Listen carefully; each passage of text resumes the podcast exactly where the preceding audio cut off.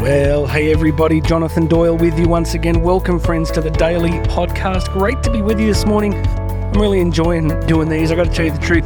Every day's different. Some days I'm like on top of the world. I've got my training done. I've had everything organized, and I'm just rocking to the studio, ready to rip it apart. Some days, you know, it's uh, it's harder. You've got to find the inspiration, the content, and I share that with you because it's kind of in relationship to today's message, which we're going to unpack in just a moment.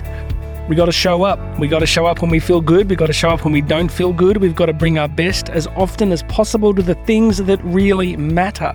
There was a really, uh, did an episode maybe three episodes ago when we talked about Pat Riley, the coach of the LA Lakers, who said, you know, the thing about commitment is you're either in or you're out. And commitment is really what you do when you don't feel like doing it. So we're going to riff on that a little bit today. Before we do, please make sure you've subscribed. Hit that big subscribe button. And I want you to check out the show notes here on the podcast version. You're going to find access to uh, a whole bunch of links. There'll be links, uh, free access to my book, Bridging the Gap. You can book me to speak. There's a whole bunch of other stuff there. And there's a link across to the YouTube channel where you can see me doing this same episode. Uh, well, not exactly the same episode, the same content in a video version where, um, you know, I just uh, put that video out each day. So it's all there in the show notes, friends. Welcome aboard. Let's do this. I want to start with a quote today from the author Tobias Wolff. I like that name, Tobias. Um, Tobias Wolff has a really cool quote that just jumped out at me and I sort of wanted to share it with you. He says this We are made to persist. That's how we find out who we are. We are made to persist. That's how we find out who we are really important insight, and I just really want to share this with you. I hope we can find ways to apply it to your life. If you listen to me regularly, you know some of my, I guess, my mantras, the things that occupy my thinking over a longer period of time.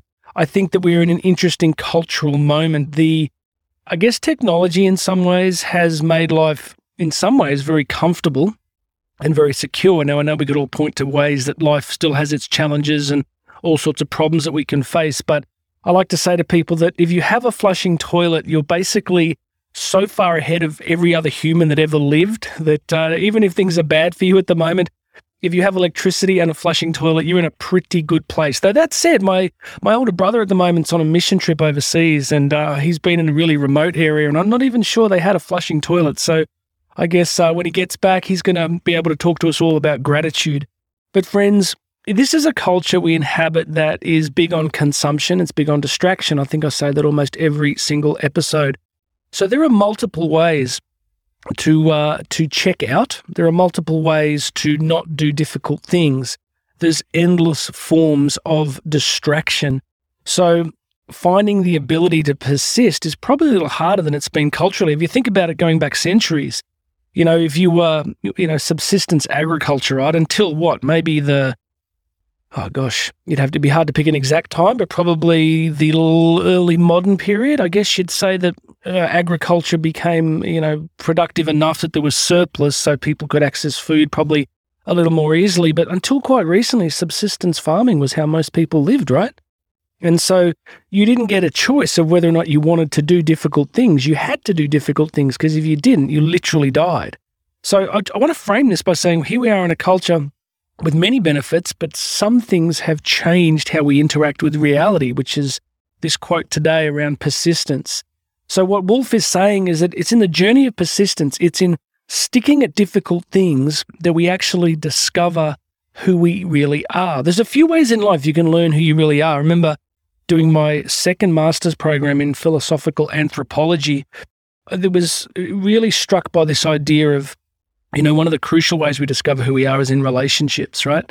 So, in our interactions with other people, we slowly get a sense of who we are in the world. So, there's a few key ways that we get a sense of identity. We get it through family, we get it through all sorts of encounters and life experiences. But what Wolff is saying here today is that one of the other crucial ways that we discover our sense of self, uh, our identity, is in this area of persistence, doing difficult things that shape who we become. I wanted to give you two quick examples. When I was back in high school, this example's in my book, Bridging the Gap, and you can grab a free copy here in the in the show notes.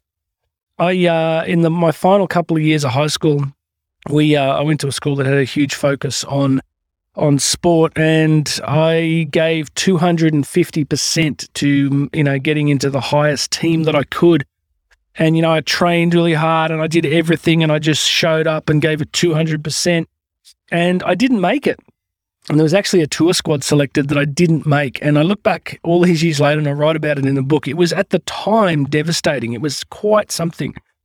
And I wrote in the book that it took me years later that I realized that it was actually in that experience of trying and trying and trying that the real magic was. I thought that what I'd experienced was a failure, but what I'd actually experienced was a kind of success. What was the success?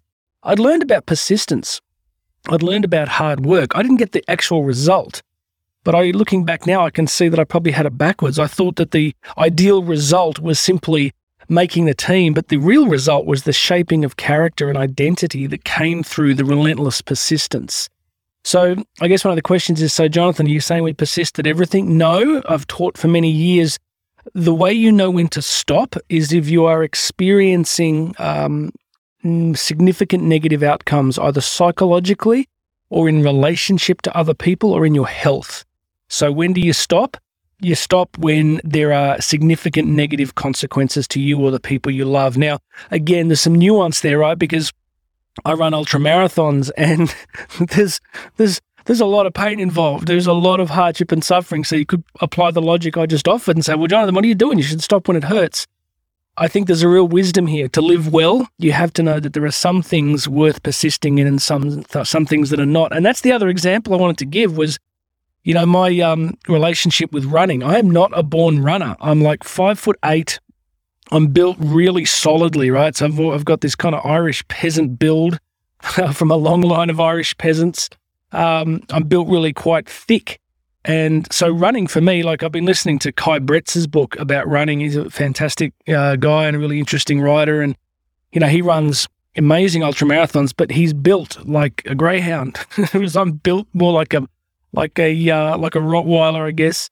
So I want to share with you that for me, running has been just a long journey into solitude and pain over a long period of time. But it's the persistence part. It's it's taught me how to keep going when things are difficult. It t- teaches me to keep going when I want to stop. And there's this funny thing that happens, this battle that's waged between my physical body, my rational mind, and I guess my soul or spirit that's kind of uh, in in dialogue with those two other parts of me. So I, I just want to say to you today, what is in your life at the moment that you are finding it hard to persist in? Because I think that he's right, Tobias Wolff, that if you can find the grit, if you can find the commitment, if you can find the ability to keep going in the things that matter. And what are the things that matter? Well, I think the things that matter are the things that shape our character and the things that bless other people and the things that bring light and growth and beauty into the world.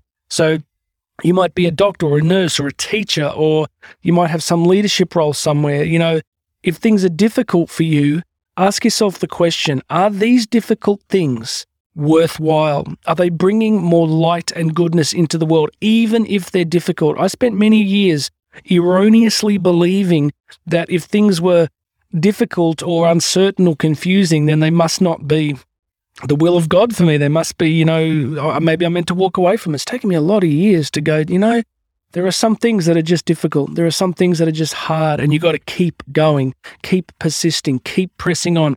Raising good kids, building a great career, writing a great book. You know, some things we just got to keep going, keep doing. So I just want to encourage you today, whatever you're facing, whatever you are going through, stick with it if it meets those criteria. All right. So there's our criteria. If it's causing physical, psychological harm to yourself or others, it's probably worth putting it aside. But if it's bringing mm-hmm. light and growth and character and forward momentum into the world, then I think you probably have a good think and pray about sticking with it. So, one more time from Tobias Wolff we are made to persist. That's how we find out who we are. You know, sometimes it's only in hindsight, isn't it? You know, it's been how many years, I guess? It's been 31 years since I was trying out for that high school team. But that message has still shaped me all this time later. You know, so sometimes the lessons come later, but they uh, as they shape our character. All right, my friends, that's it for today. Persist, persist, persist at the right things. Press on. Let this be a moment of encouragement for those of you who are unsure about what you're doing and where you're heading. Find those things and persist, my friends. persist. The cosmos is with you, God is with you. If you are bringing light and goodness and growth into the world, press on. All right, make sure you subscribe, my friends. Go and check out all those show notes, book me to speak, find out about all that good stuff. It's all there. But for now, God bless you, everybody. My name's Jonathan Doyle. This has been the Daily Podcast, and you and I are going to talk again tomorrow.